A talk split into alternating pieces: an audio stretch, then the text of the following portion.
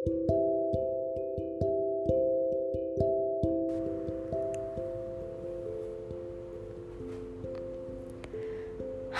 selamat malam para pendengar setia podcast gue. selamat malam semuanya. Hari ini malam apa sih? Malam Kamis ya. Karena jatuhnya masih hari Rabu. Dalam hitungan beberapa jam lagi udah masuk hari Kamis nih. Gimana malam ini? Baik-baik aja? Atau lagi bad mood atau lagi sedih. Pokoknya apa pun itu tetap disyukuri dan tetap selalu happy. Apaan sih gak jelas banget. Oke, okay, pembahasan di podcast gue kali ini akan membahas mengenai um, menjaga perasaan. Cie. Mungkin nanti di title mungkin akan gue sedikit ubah uh, judulnya kali ya. Tapi lebih ke menjaga perasaan sih ya cie. Karena banyak banget pengalaman beberapa teman-teman gue yang sudah mengenal pacaran bahkan yang sudah menikah pun juga pasti mengalami ini menjaga perasaan setiap orang punya definisi berbeda dari dari uh, penjelasan mengenai menjaga perasaan gitu. Menjaga perasaan itu bisa dari apa ya? Bisa dari berbagai hal sih, dari mulai um, apa? mengetahui batasan-batasan, lalu menyadari perannya sebagai kekasih atau apa pun itu gitu. Tapi kalau menurut gue pribadi, menjaga perasaan itu adalah di mana di saat kita menyadari peran kita sebagai pasangan dan uh, menyadari batasan-batasan yang harusnya uh, kita aplikasikan dalam hidup kita gitu. Contohnya,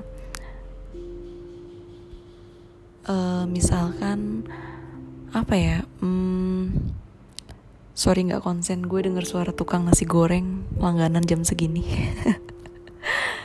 oke lanjut aja ya misalkan menyadari bahwa seorang pasangan itu tuh sebenarnya nggak boleh melewati batas uh, perilakunya terhadap teman sesama sorry teman lawan jenis gitu.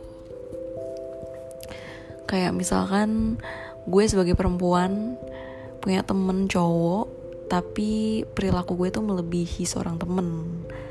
Dan bahkan mungkin menutup-nutupi uh, perilaku gue ini sama pasangan gue gitu. Nah itu kan secara nggak langsung itu sudah menyakiti kan dan itu otomatis tidak menjaga perasaan gitu nah menurut versi beberapa temen gue juga ada versi yang berbeda nih mengenai menjaga menjaga perasaan gitu. Tapi balik lagi di kembali kepada diri kita sendiri gimana caranya kita untuk menjaga perasaan pasangan kita, menjaga diri kita, menyadari peran kita sebagai kekasih, maksudnya sebagai pasangannya gitu.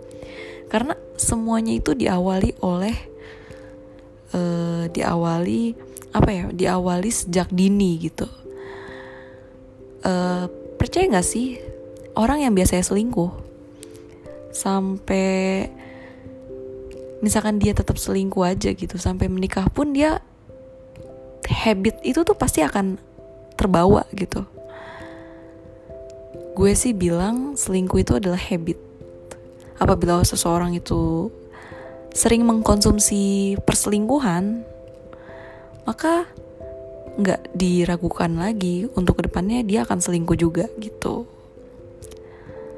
Dan apabila seseorang susah atau sulit untuk menjaga perasaan nggak menutup kemungkinan di periode ke depannya dia bakal sulit juga menjaga perasaan pasangannya menjaga hubungannya gitu kan kasus kayak gini tuh udah banyak banget dialamin sama banyak orang gue termasuk dan teman-teman gue juga.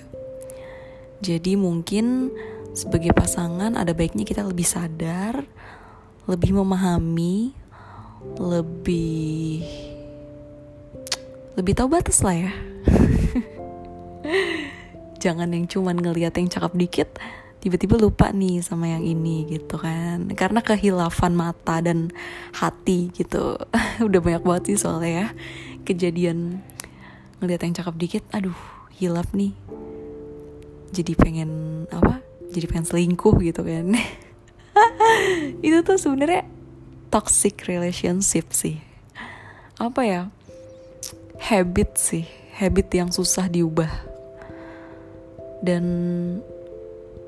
um, banyak juga teman-teman gue mengeluhkan dari suatu habit yang nggak baik itu uh, justru malah jadi penyakit ya. Karena gonta-ganti pasangan itu kan apa ya kurang baik gitu. Kayak pertama bikin nambah dosa gitu kan. Kedua bikin nambah buang-buang waktu gitu yang harusnya di usia segini. Kita udah bisa serius, udah bisa mantepin hati buat jenjang yang lebih serius, tapi ternyata karena habitnya itu suka mengkonsumsi perselingkuhan atau tidak menjaga perasaan, jadinya kan hubungannya nggak pernah awet gitu kan, jadinya explore lagi explore terus gitu, jadinya ya nggak berhenti berhenti explore. Sampai usia tua pun gak nyadar tuh waduh udah sudah udah usia segini nih masa ya explore terus ya kan? Hmm uh, gimana ya? Jadi sih sebenarnya untuk seseorang yang saat ini masih menjaga perasaan pasangannya kalian tuh the best. Kalian sudah melakukan yang sewajibnya kalian lakukan gitu. Kalian sudah berusaha sebaik mungkin sekuat tenaga untuk untuk berkomitmen, untuk setia, untuk menjaga dan tiga hal itu tuh memang sulit sih gue akuin. Komitmen, setia dan menjaga. Tiga hal itu tuh dalam hubungan itu itu tuh makan hati, makan jantung sih kalau kata gue. Karena pasti kan setiap hubungan itu ada cekcok. Ada nggak kecocokan gitu, ada egois apa pun itu dan balik lagi ke tiga hal itu. Apa pun itu kita harus tetap berkomitmen tetap setia dan tetap menjaga. Baik menjaga hati menjaga hubungan atau apa pun itu gitu. Jadi buat yang masih belajar untuk lebih baik dalam segi hubungan coba deh pelan-pelan untuk berkomitmen untuk setia untuk menjaga. Kalau ada masalah omongin baik-baik lalu cari jalan keluarnya berdua. Setelah itu mencoba untuk lebih menyadari diri bahwa kita tuh sudah uh, ada orang lain gitu, bukan milik orang lain ya, ada orang lain. Jadi tetap uh, apa ya, tetap menebarkan cinta cia kepada pasangan ya. Semoga buat kalian, buat semuanya yang punya pasangan Semoga sampai ke jenjang pernikahan. Dan untuk kalian yang sudah menikah semoga sampai maut yang memisahkan. Sampai kakek nenek bahagia terus apa pun itu tetap jalan sama-sama berdua gandengan tangan. Cie. Mungkin itu aja dulu kali ya podcast kali ini. Karena kebetulan hari ini gue tuh merasakan hmm, merasakan apa ya kegalauan hati cie Jadi gue menyalurkannya melalui podcast. By the way, thank you for listen.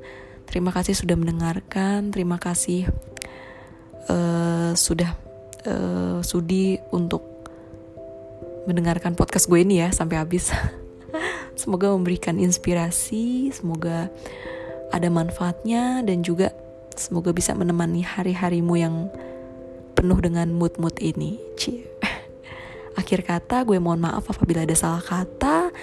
Thank you buat semuanya yang sudah mendengarkan.